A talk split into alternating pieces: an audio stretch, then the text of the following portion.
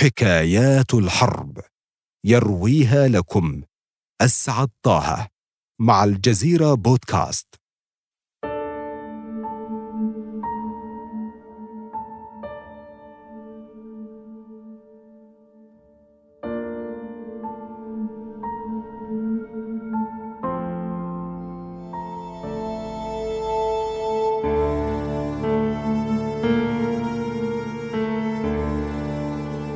معقل الساموراي الأخير ماذا بوسعك أن تفعل إذا خضت الحرب جنديا وفيا مخلصا ثم فجأة انقطعت اتصالات قيادتك بك لفترة طويلة هل تستسلم؟ وماذا إذا استمر ذلك ثلاثين عاما؟ إليكم ما جرى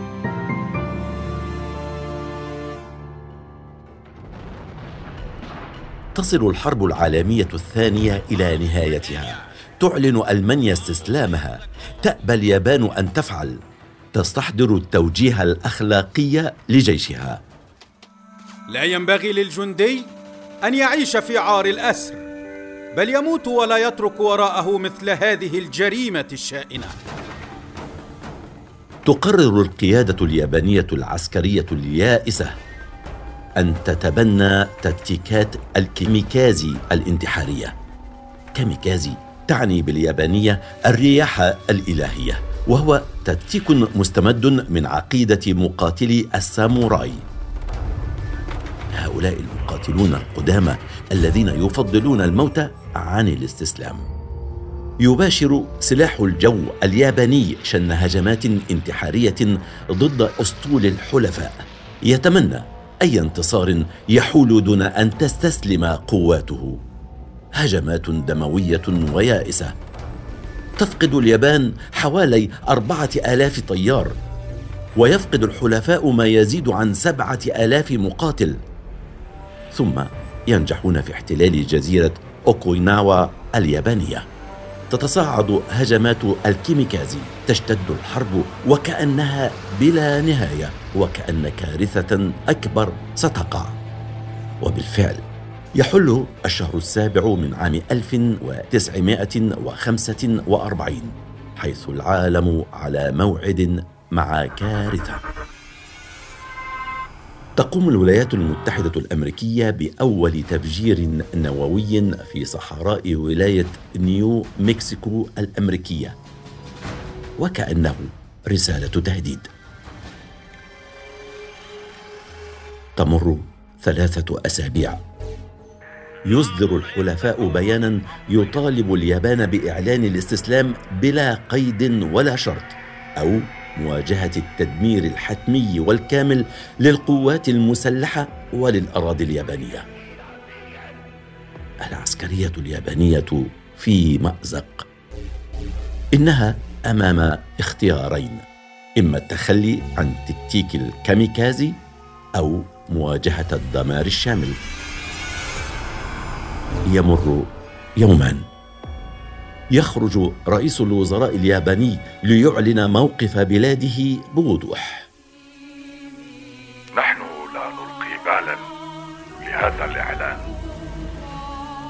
يحل السادس من أغسطس. طيار أمريكي يدعى بول تيبيتس يقود طائرة قاذفة عملاقة يلقي منها القنبلة الذرية الأولى المسماة الولد الصغير على مدينة هيروشيما. يختفي ثمانون ألف إنسان من الوجود في لحظات ويتبعهم كثر. يجتمع مجلس الحرب الأعلى الياباني يصر على رفض فكرة الاستسلام بلا قيد أو شرط للمرة الثانية. يجن جنون الولايات المتحدة الأمريكية. ترسل طيارا آخر يدعى تشارلز سويني. لإلقاء ثاني قنبلة ذرية واطلقوا عليها اسم الولد السمين. الطيار يقصد مدينة كوكورا اليابانية. المدينة تحجبها السحب ودخان الحرب. تتعذر الرؤيا. يقرر أن يقصف بدلا منها ناجازاكي يموت نحو أربعين ألف شخص في الدقائق الأولى ويتبعهم بعدهم كثر. يقبل إمبراطور اليابان الاستسلام بدون قيد أو شرط سوى عدم محاكمته. يسجل من قصره بيان الاستسلام. ترفض قيادات عسكرية في جيشه قراره. يقومون بانقلاب ليلة الخامس عشر من أغسطس بهدف منع إذاعة بيان الاستسلام. يحتلون قصر الإمبراطور للعثور على التسجيل وتدميره قبل إذاعته. يسحق الانقلاب في نفس اليوم. في صباح الخامس عشر من أغسطس وفي تمام الثانية عشرة ظهرا يسمع اليابانيون صوت الإمبراطور لأول مرة في حياتهم.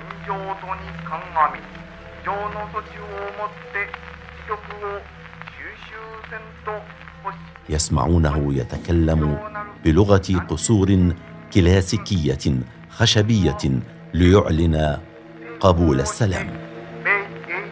يتجنب استخدام لفظة استسلام. يتهرب من خرق الكود الأخلاقي الياباني التاريخي. التسجيل الرديء والعبارات المصاغة باليابانية القديمة وتجاهل لفظ الاستسلام أثارت الشك لدى الناس. يرفض بعضهم الاعتراف بالهزيمة. ينتحر عسكريون ومدنيون لكن الاستسلام قائم.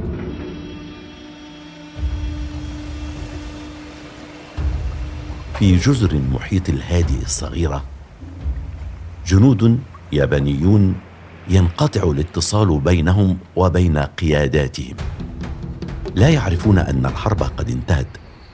يعتقدون أن الإعلان هو تضليل من الحلفاء. وفي كل الأحوال هو أمر ضد القانون العسكري الياباني وخيانة له. تمر الأيام. يستسلم عدد كبير من الجنود والضباط اليابانيين في الجزر. لكن البعض يصر. الحرب لم تنتهي. لن نستسلم. هيرو أونودا جندي ياباني أرسل في ديسمبر عام 1944 إلى جزيرة لوبانغ الفلبينية بأوامر واضحة. امنع تقدم العدو حتى لو اضطررت لتدمير مهبط الطائرات ورصيف الميناء لمنع تقدم العدو. لا تستسلم ابدا. وإن حدث وأحاط بك العدو فاقتل نفسك في الثامن والعشرين من فبراير عام 1945 تسقط الجزيرة في أيدي الحلفاء. أونودا وثلاثة جنود آخرين يرفضون الاستسلام أو الاعتراف بالهزيمة يحتفظون بخطوطهم القتالية في الجزيرة. يأمرهم أونودا بالاختباء في التلال والأحراش يطلب منهم الاستعداد لخوض حرب عصابات مؤمنا بأن المعركة لم تنتهي. يسقط الحلفاء منشوراتهم من الجو. يخبرونهم أن الحرب قد انتهت وأن عليهم الاستسلام. يعتقد الجنود اليابانيون أن هذه المنشورات ما هي إلا دعاية مضللة من الحلفاء. تتوالى المنشورات ويتوالى رفضهم.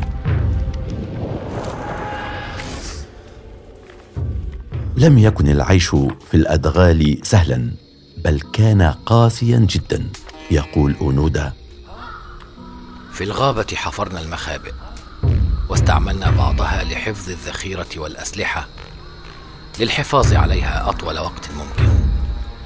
عشنا على أكل الموز المسلوق وجوز الهند. نسرق من حين لآخر الأرز والملح من القرية المجاورة. نتسلل بالقرب من القرية القريبة ليلا لنقتل بقرة شاردة. كنا نفضل فعل ذلك في الليالي شديدة المطر حتى يغطي صوت المطر الغزير على صوت الرصاص. كان الأمر يستغرق حوالي ساعة لتقطيع البقرة ثم نرمي ما تبقى في مكان لا يكشف عن مكان وجودنا. نشرب المياه من العيون المنتشرة في الأدغال بعد أن نغليه جيدا للتأكد من صلاحيته. ملابسنا لم تكن نظيفة دوما. صنعنا إبرا بدائية من بعض الأسلاك الشائكة الموجودة في الجزيرة. نقوم بتهذيبها ووضع عين على أحد طرفيها لتعمل كإبرة حياكة. نسجنا خيطا من ألياف نبات يشبه القنب ينمو في الغابة. استخدمنا شباك الصيد التي كنا نجد بقاياها على الشط كخيوط. ثم نقوم بترقيع ملابسنا العسكرية أو تبطينها. نسرق الملابس والأحذية القديمة من القرية كلما استطعنا ذلك. يظل الرجال الأربعة على عهدهم إلى أن يستسلم أحدهم عام 1950 إنها ضربة قوية لقد أصبح عددهم ثلاثة فقط بما فيهم أونودا نفسه. تلقى المنشورات عليهم مجددا. هذه المرة تحمل صورا لعائلاتهم يواصلون رفضهم الاستسلام. تمر ثلاث سنوات. ثم إذا بأحدهم يلقى مصرعه برصاص قوات فلبينية كانت تحاول القبض عليهم. يختبئ الاثنان في الأحراش والغابات.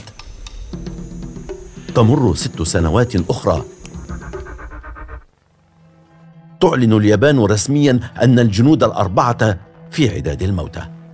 لكن على أرض الواقع ما زال اثنان يعيشان مختفيين. تمر ثلاثة عشر عاما أخرى. يلقى أحدهما مصرعه ليصبح اونودا وحيدا في غابته.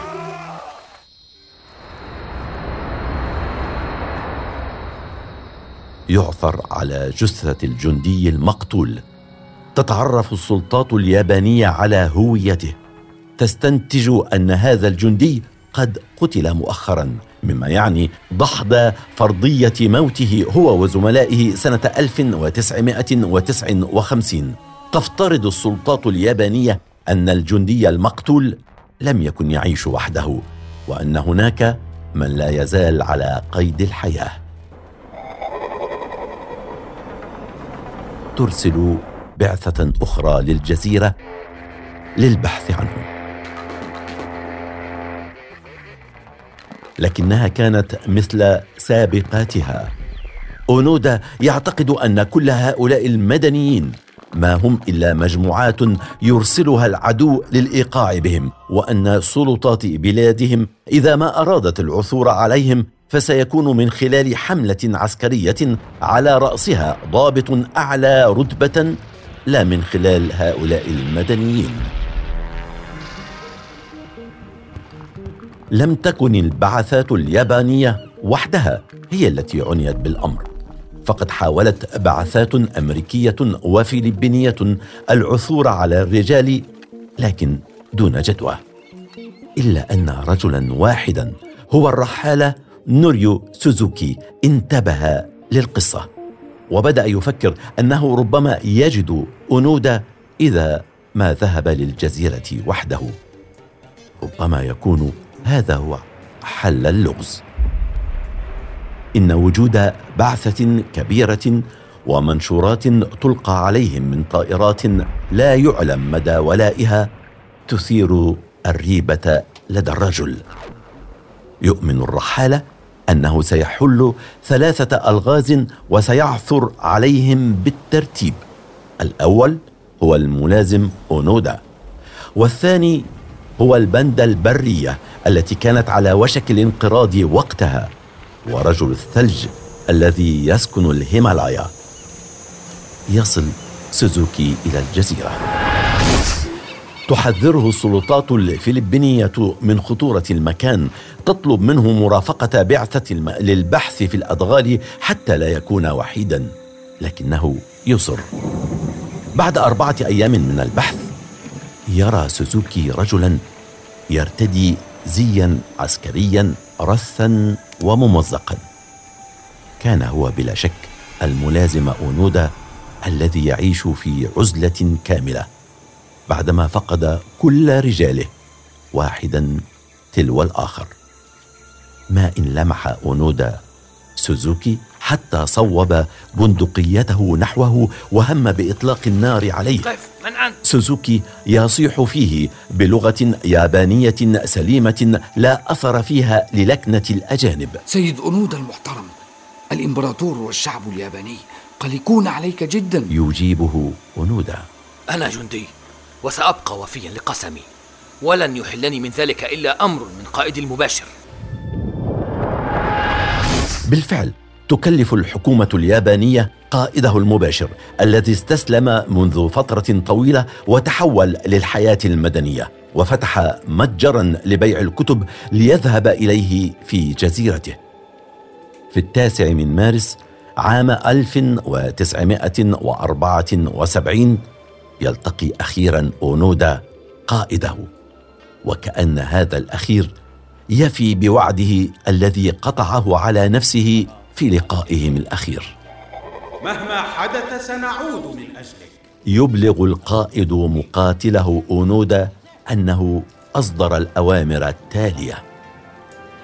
وفقا للقيادة الإمبراطورية أوقف جيش المنطقة الرابعة عشرة جميع الأنشطة القتالية. تم إعفاء مقر قيادة السرب الخاص من جميع المهام العسكرية. يجب على الوحدات والأفراد الخاضعين لقيادة السرب الخاص وقف الأنشطة والعمليات العسكرية على الفور ووضع أنفسهم تحت قيادة أقرب ضابط أعلى رتبة عندما لا يمكن العثور على ضابط يجب عليهم التواصل مع القوات الأمريكية أو الفلبينية واتباع توجيهاتهم A real national hero.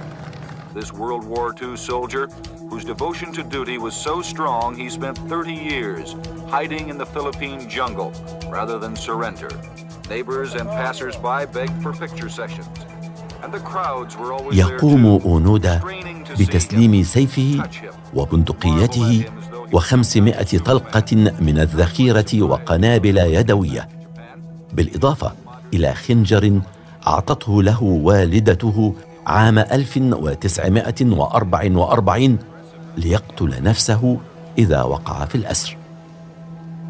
على الرغم من أنه قتل أشخاصا واشترك في تبادل لإطلاق النار مع الشرطة المحلية في الفلبين إلا أنه يتلقى عفوا من الرئيس الفلبيني. في الحقيقة كان أونودا الجندي قبل الأخير في المعاقل اليابانية.